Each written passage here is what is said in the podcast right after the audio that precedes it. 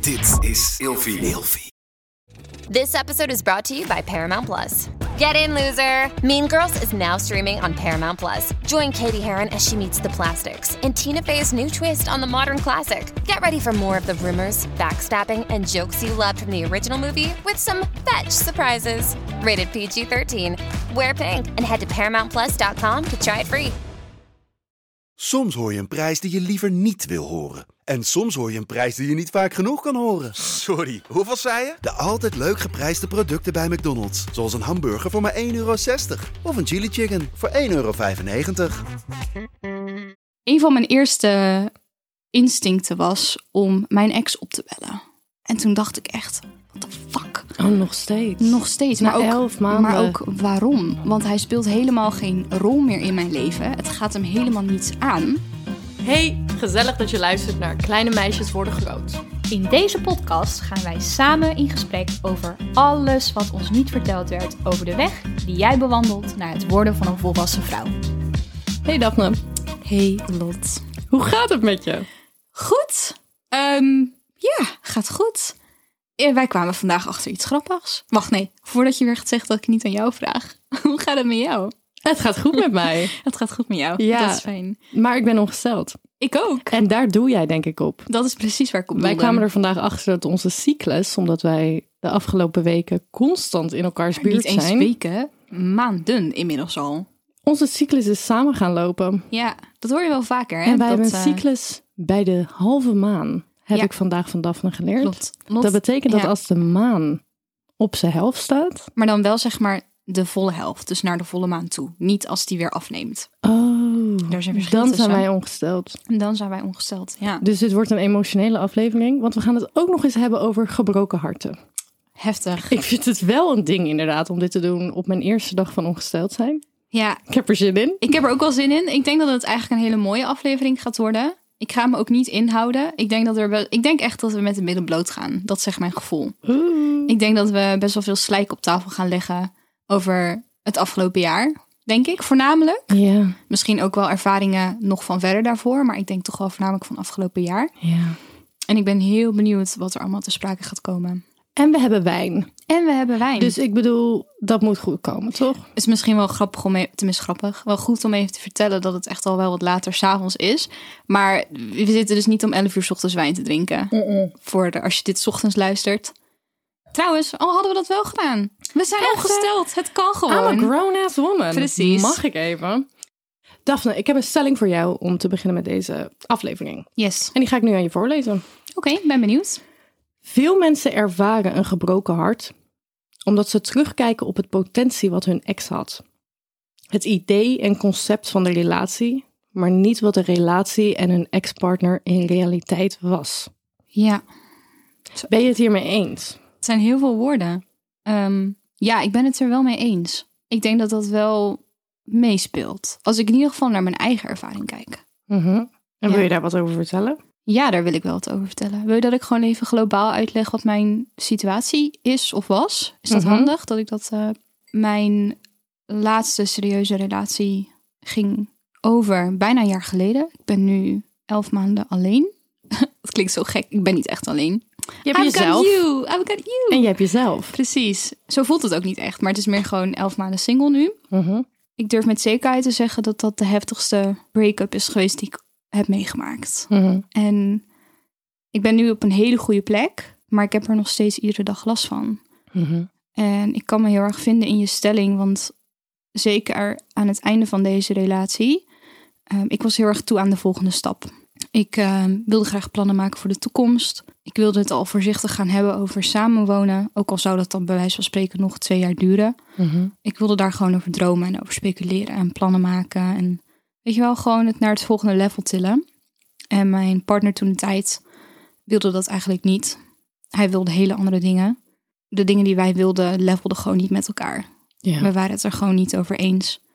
En er zijn heel veel redenen waarom we uiteindelijk uit elkaar zijn gegaan. Maar ik heb achteraf absoluut veel hardpijn ervaren van het idee wat had kunnen zijn. En Ja. wat ik heel graag had gewild met hem. Maar stel we hadden toch een manier gevonden om er doorheen te komen en we waren nog steeds samen. Dan weet ik eigenlijk niet of die dingen alsnog wel gebeurd waren die ik graag had gewild. Want hij zag het zo anders in. Dus ik heb zeker wel gerouwd om het idee wat had kunnen zijn.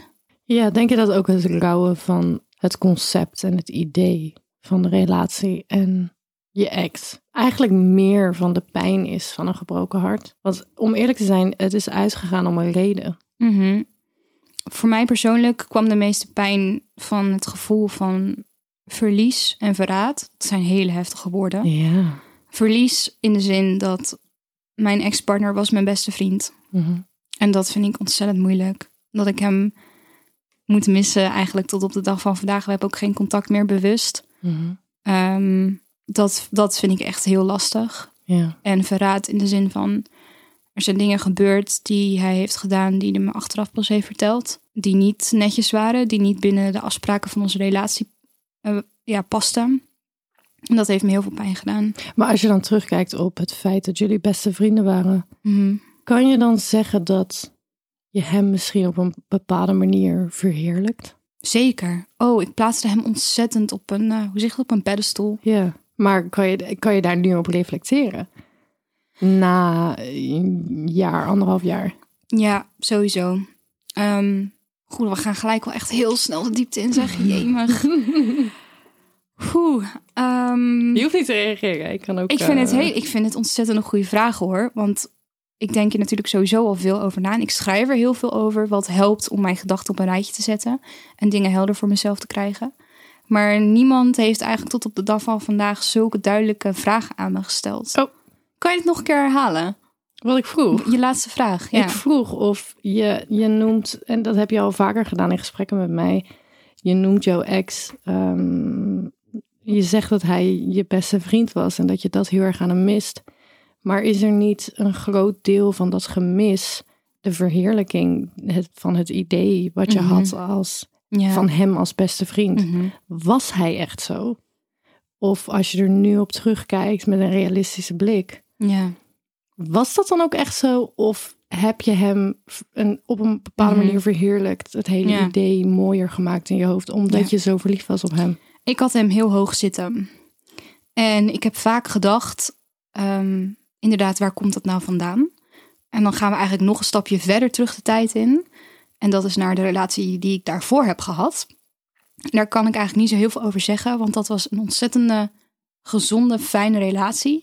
En de enige reden dat dat is overgegaan, was omdat ik niet meer verliefd was. En ik hem eigenlijk ontgroend, eh, ontgroend, ontgroeid was. Je had hem ook ontgroend, misschien? Nee, hij mij. Nee, Oh, nee, hij trouwens jou. Oh. nee ook niet. Maar anyways. Anyways. En dat is de enige reden geweest waarom het uit is gegaan. Simpelweg omdat ik niet meer verliefd was. Maar er was verder niks, verder was er niks aan de hand. Ik weet nog dat ik toen, een paar, echt een paar maanden later al, mijn, eh, de jongen leerde kennen waar ik daarna een relatie mee heb gekregen. Die dus, waar ik het nu over heb. Ik was zo onder de indruk van hem. Hij was alles wat ik eigenlijk zocht in een jongen. En dat is heel erg om te zeggen. Maar hij had dingen die mijn partner daarvoor niet hadden. En dat betekent niet dat mijn partner daarvoor minder goed was of minder lief. Juist f- totaal, helemaal, echt totaal niet. Dat waren gewoon twee hele andere mannen. Maar je had hem meteen al hoog staan. Ik had hem meteen vanaf het eerste moment hoog staan, omdat hij ook, hij was creatief. Hij wist hoe hij moest praten over zijn emoties. En er waren zoveel dingen waarbij ik gewoon meteen vanaf het eerste moment zo van onder de indruk was. En waarvan ik zo. Maar is dat Ja. dan, als je daarop terugkijkt, is dan dat het kleine meisje met wie jouw ex in een relatie is gekomen? Mhm. Of is dat de vrouw die jij ondertussen bent geworden? Oh, wauw. Als jij erop terugkijkt als de vrouw die je ondertussen bent geworden, Ja. is het dan zo mooi geweest als je in je hoofd hebt? Als jij dat verdriet voelt van we hebben het niet meer. Om heel eerlijk te zijn, ik kan jou aankijken na elf maanden nadat dit gebeurd is, in je ogen aankijken en zeggen dat dit eigenlijk een hele ongezonde relatie was. Het was vrij toxic. En ik ben inmiddels ook op een punt waarop ik kan inzien. Kijk, ik ben nooit buiten de regels van onze, vriends, eh, van onze vriendschap, van onze relatie getreden. Maar wat ik wel heel duidelijk kan zien en kan toegeven, is dat ik ook niet goed voor hem ben geweest. In de zin dat hij had ook verlangens en behoeftes die ik niet waar kon maken. Niet omdat ik het niet wilde of hem het hem niet gunde. Het paste gewoon niet. Dit was, het was niet wie ik, wie Jullie ik waren ben. het gewoon niet voor elkaar. Nee, wij hadden echt op lange termijn gewoon andere andere wensen. Mhm. Ik hield heel veel van hem en uiteindelijk had ik zoiets van: ik wil wel dat, dat je gelukkig bent, Mhm. ook als dat niet met mij is. Dus ik moet je gewoon laten gaan. Ik denk dat er niks is in het leven waar je meer van leert dan van een gebroken hart. Is dat een stelling of is dat gewoon... Ik zeg het en ik dacht, dit had een stelling kunnen Het had een zijn. stelling kunnen zijn. Maar als ik terugkijk op mijn leven, dan denk ik, holy shit. Ja. Ik heb zoveel geleerd van alle ik ook. heartbreaks die Ja. ik heb gehad. Zou je op dit moment zeggen dat je nu ehm, een gebroken hart hebt? ja. nog steeds? Nog steeds, maar niet meer, zeg maar, ik ben niet meer verliefd op hem, al heel lang niet meer. Dat merk, ik merkte heel snel, of tenminste snel niet, maar gewoon, ik merkte heel duidelijk wanneer, wanneer ik dat punt had bereikt, dat ik hem had losgelaten, dat ik het idee had losgelaten, dat ik er vrede in had gevonden. Maar het is gewoon, het feit blijft wel dat het de heftigste relatiebreuk is geweest die ik ooit in mijn jonge leven heb meegemaakt. Eh, veel heftiger dan de eerste keer. Heel anders ook, hele andere situatie. En tot op de dag van vandaag draag ik dat gewoon met me mee. Om een, om een voorbeeld te geven. ehm, eh, we gaan, ik weet dat we hier in een andere aflevering dieper op ingaan. Maar jij was er toevallig bij. Ik heb een beetje rottig nieuws gehad afgelopen week. Mijn, een van mijn eerste instincten was om mijn ex op te bellen. En toen dacht ik echt, what the fuck? Oh, nog steeds. Nog steeds. Na maar ook, elf maanden. Maar ook waarom? Want hij speelt helemaal geen rol meer in mijn leven. Het gaat hem helemaal niets aan. Maar ik weet dat dat kwam omdat het een moment is van kwetsbaarheid. En ik voelde me zo kwetsbaar. Ik was zo blij dat je erbij was trouwens toen ik dit nieuws kreeg. Want Ja. ik weet niet wat ik gedaan had als ik, daar, als ik daar alleen was geweest. Dus daaraan kan ik zeg maar herleiden dat ik weet dat ik er nog niet ben. En daar ben ik heel eerlijk in naar mezelf toe. En ik accepteer dat. En ik accepteer dat het tijd nodig heeft. En ehm, bijvoorbeeld, slijten. Het moet slijten. Het moet wennen. Het moet hernieuwen.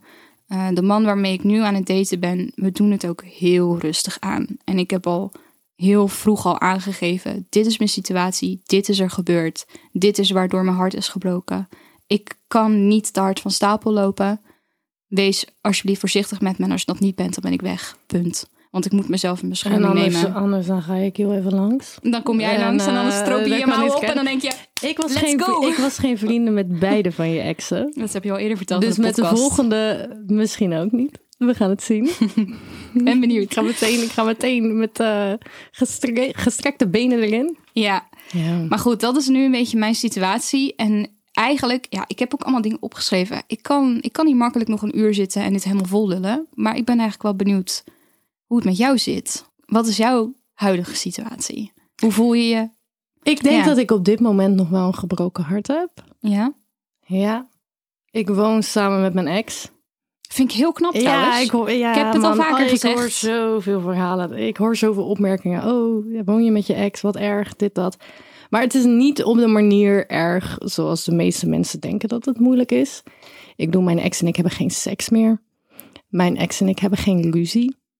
Ehm, het is meer een soort volwassen verdriet geworden. Ja, En ik denk dat mijn ex en ik, wij zijn echt beste vrienden. En ik denk dat hij me heeft geleerd dat een soulmate ook iemand ook niet altijd romantisch hoeft te zijn. Ehm, dus hij is mijn beste vriend. En in a way is hij mijn soulmate. Dat maakt niet dat samenwonen niet moeilijk is. Want hij ehm, is aan het daten. Ik ben aan het daten. En ik gun hem alles. Echt, ik gun hem het allerbeste op de wereld. Maar ja, je hebt het wel constant in je gezicht. Het feit dat degene waar jij vier jaar lang mee hebt geleefd en toekomstplannen mee had, dat nu met iemand anders doet.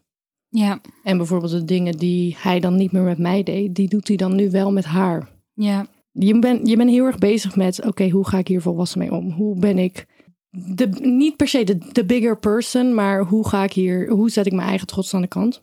ja. En hierover wou ik een stukje voorlezen wat ik heb geschreven laatst. Oké, Over ehm, mijn gebroken hart op dit moment. oké, Eh, En ik ben heel erg benieuwd wat je ervan vindt. Ja. En of je je erin herkent misschien. oké. Ja, Oké. nou, shoot. Het is een nostalgisch verdriet. Alsof ik terugkijk op mijn kindertijd. Een tijd waar ik met liefde op terugkijk, maar nooit meer vatbaar zal zijn. Zoals ik mijn lievelingsknuffel op tienjarige leeftijd moest weggeven aan een ander kind. Je bergt de knuffel liever op, ergens achter in een kast, omdat je niet wilt toegeven dat je het ontgroeid bent. En zo voelt mijn gebroken hart. Het is de realisatie dat het beter is als we uit elkaar gaan, maar ik wil het fijne nostalgische gevoel nog niet loslaten. De totstandkoming dat mijn ex niet beter verdient, maar simpelweg anders dan mijn liefde.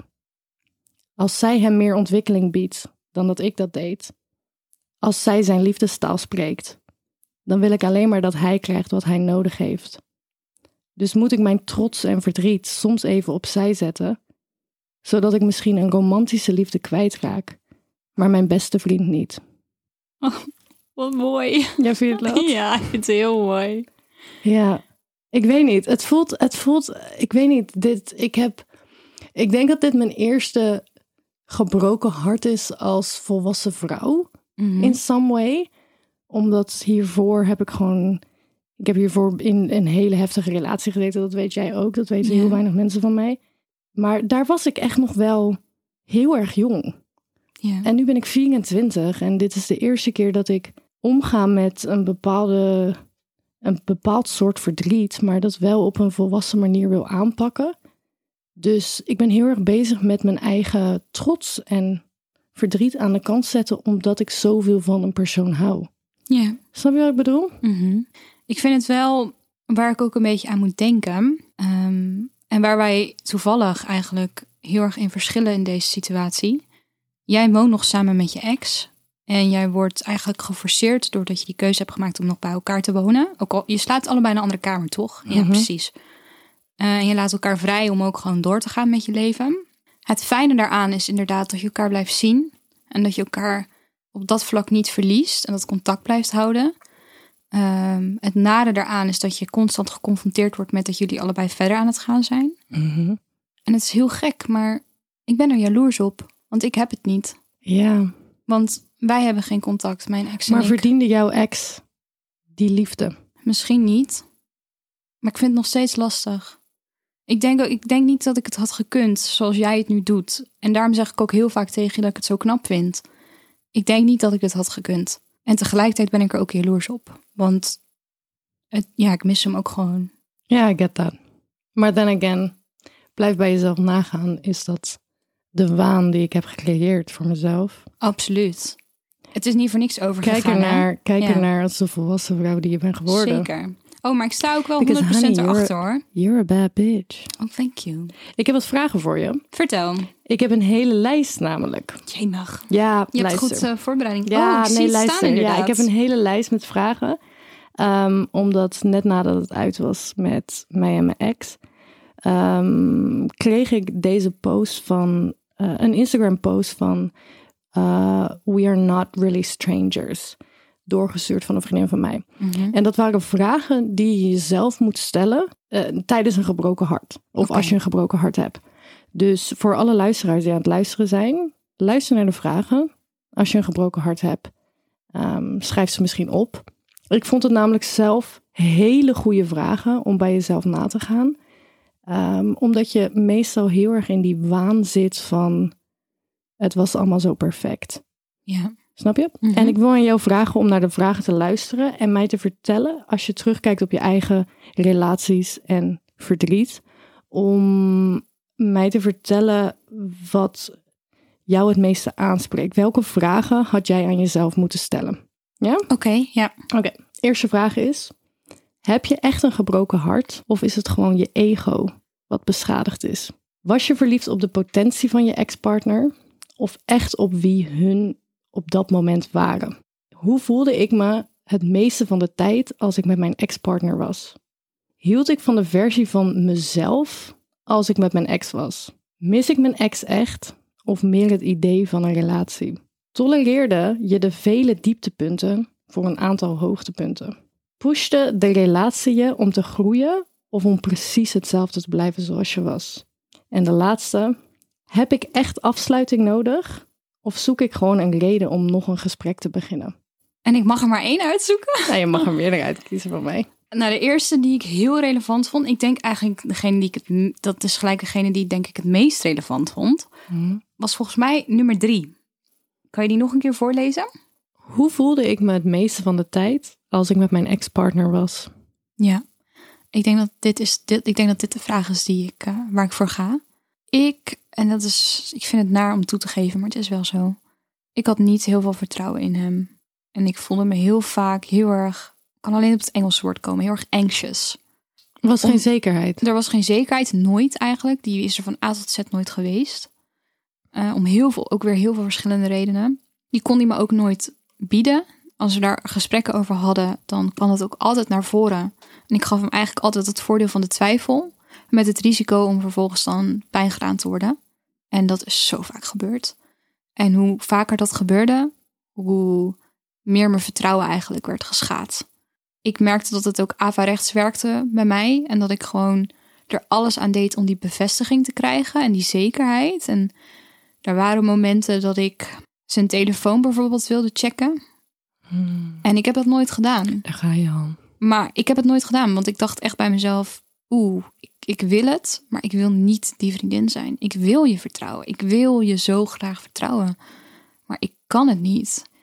En dat is uiteindelijk ook gewoon geklapt. En, maar ik heb dat gevoel eh, de hele relatie lang mee, meegedragen. En er zijn ook tijdens de relatie genoeg momenten geweest en dingen gebeurd die dat versterkt hebben. Dus eigenlijk zou je zeggen dat je je die vraag al eerder had moeten afstellen tijdens Veel de relatie. eerder. Ik, had, ik heb die misschien wel aan mezelf gesteld. Want als ik ook terugkijk naar wat ik allemaal heb geschreven in mijn dagboek, is dit altijd een ding geweest. Van A tot Z, het hele verhaaltje. Heel die tijd lang. Maar je hebt er nooit vanaf dat derde perspectief naar Precies. gekeken. Ja, En dat is het ding met relaties. ja. Ik je was kijkt zo. er niet genoeg. Je hebt.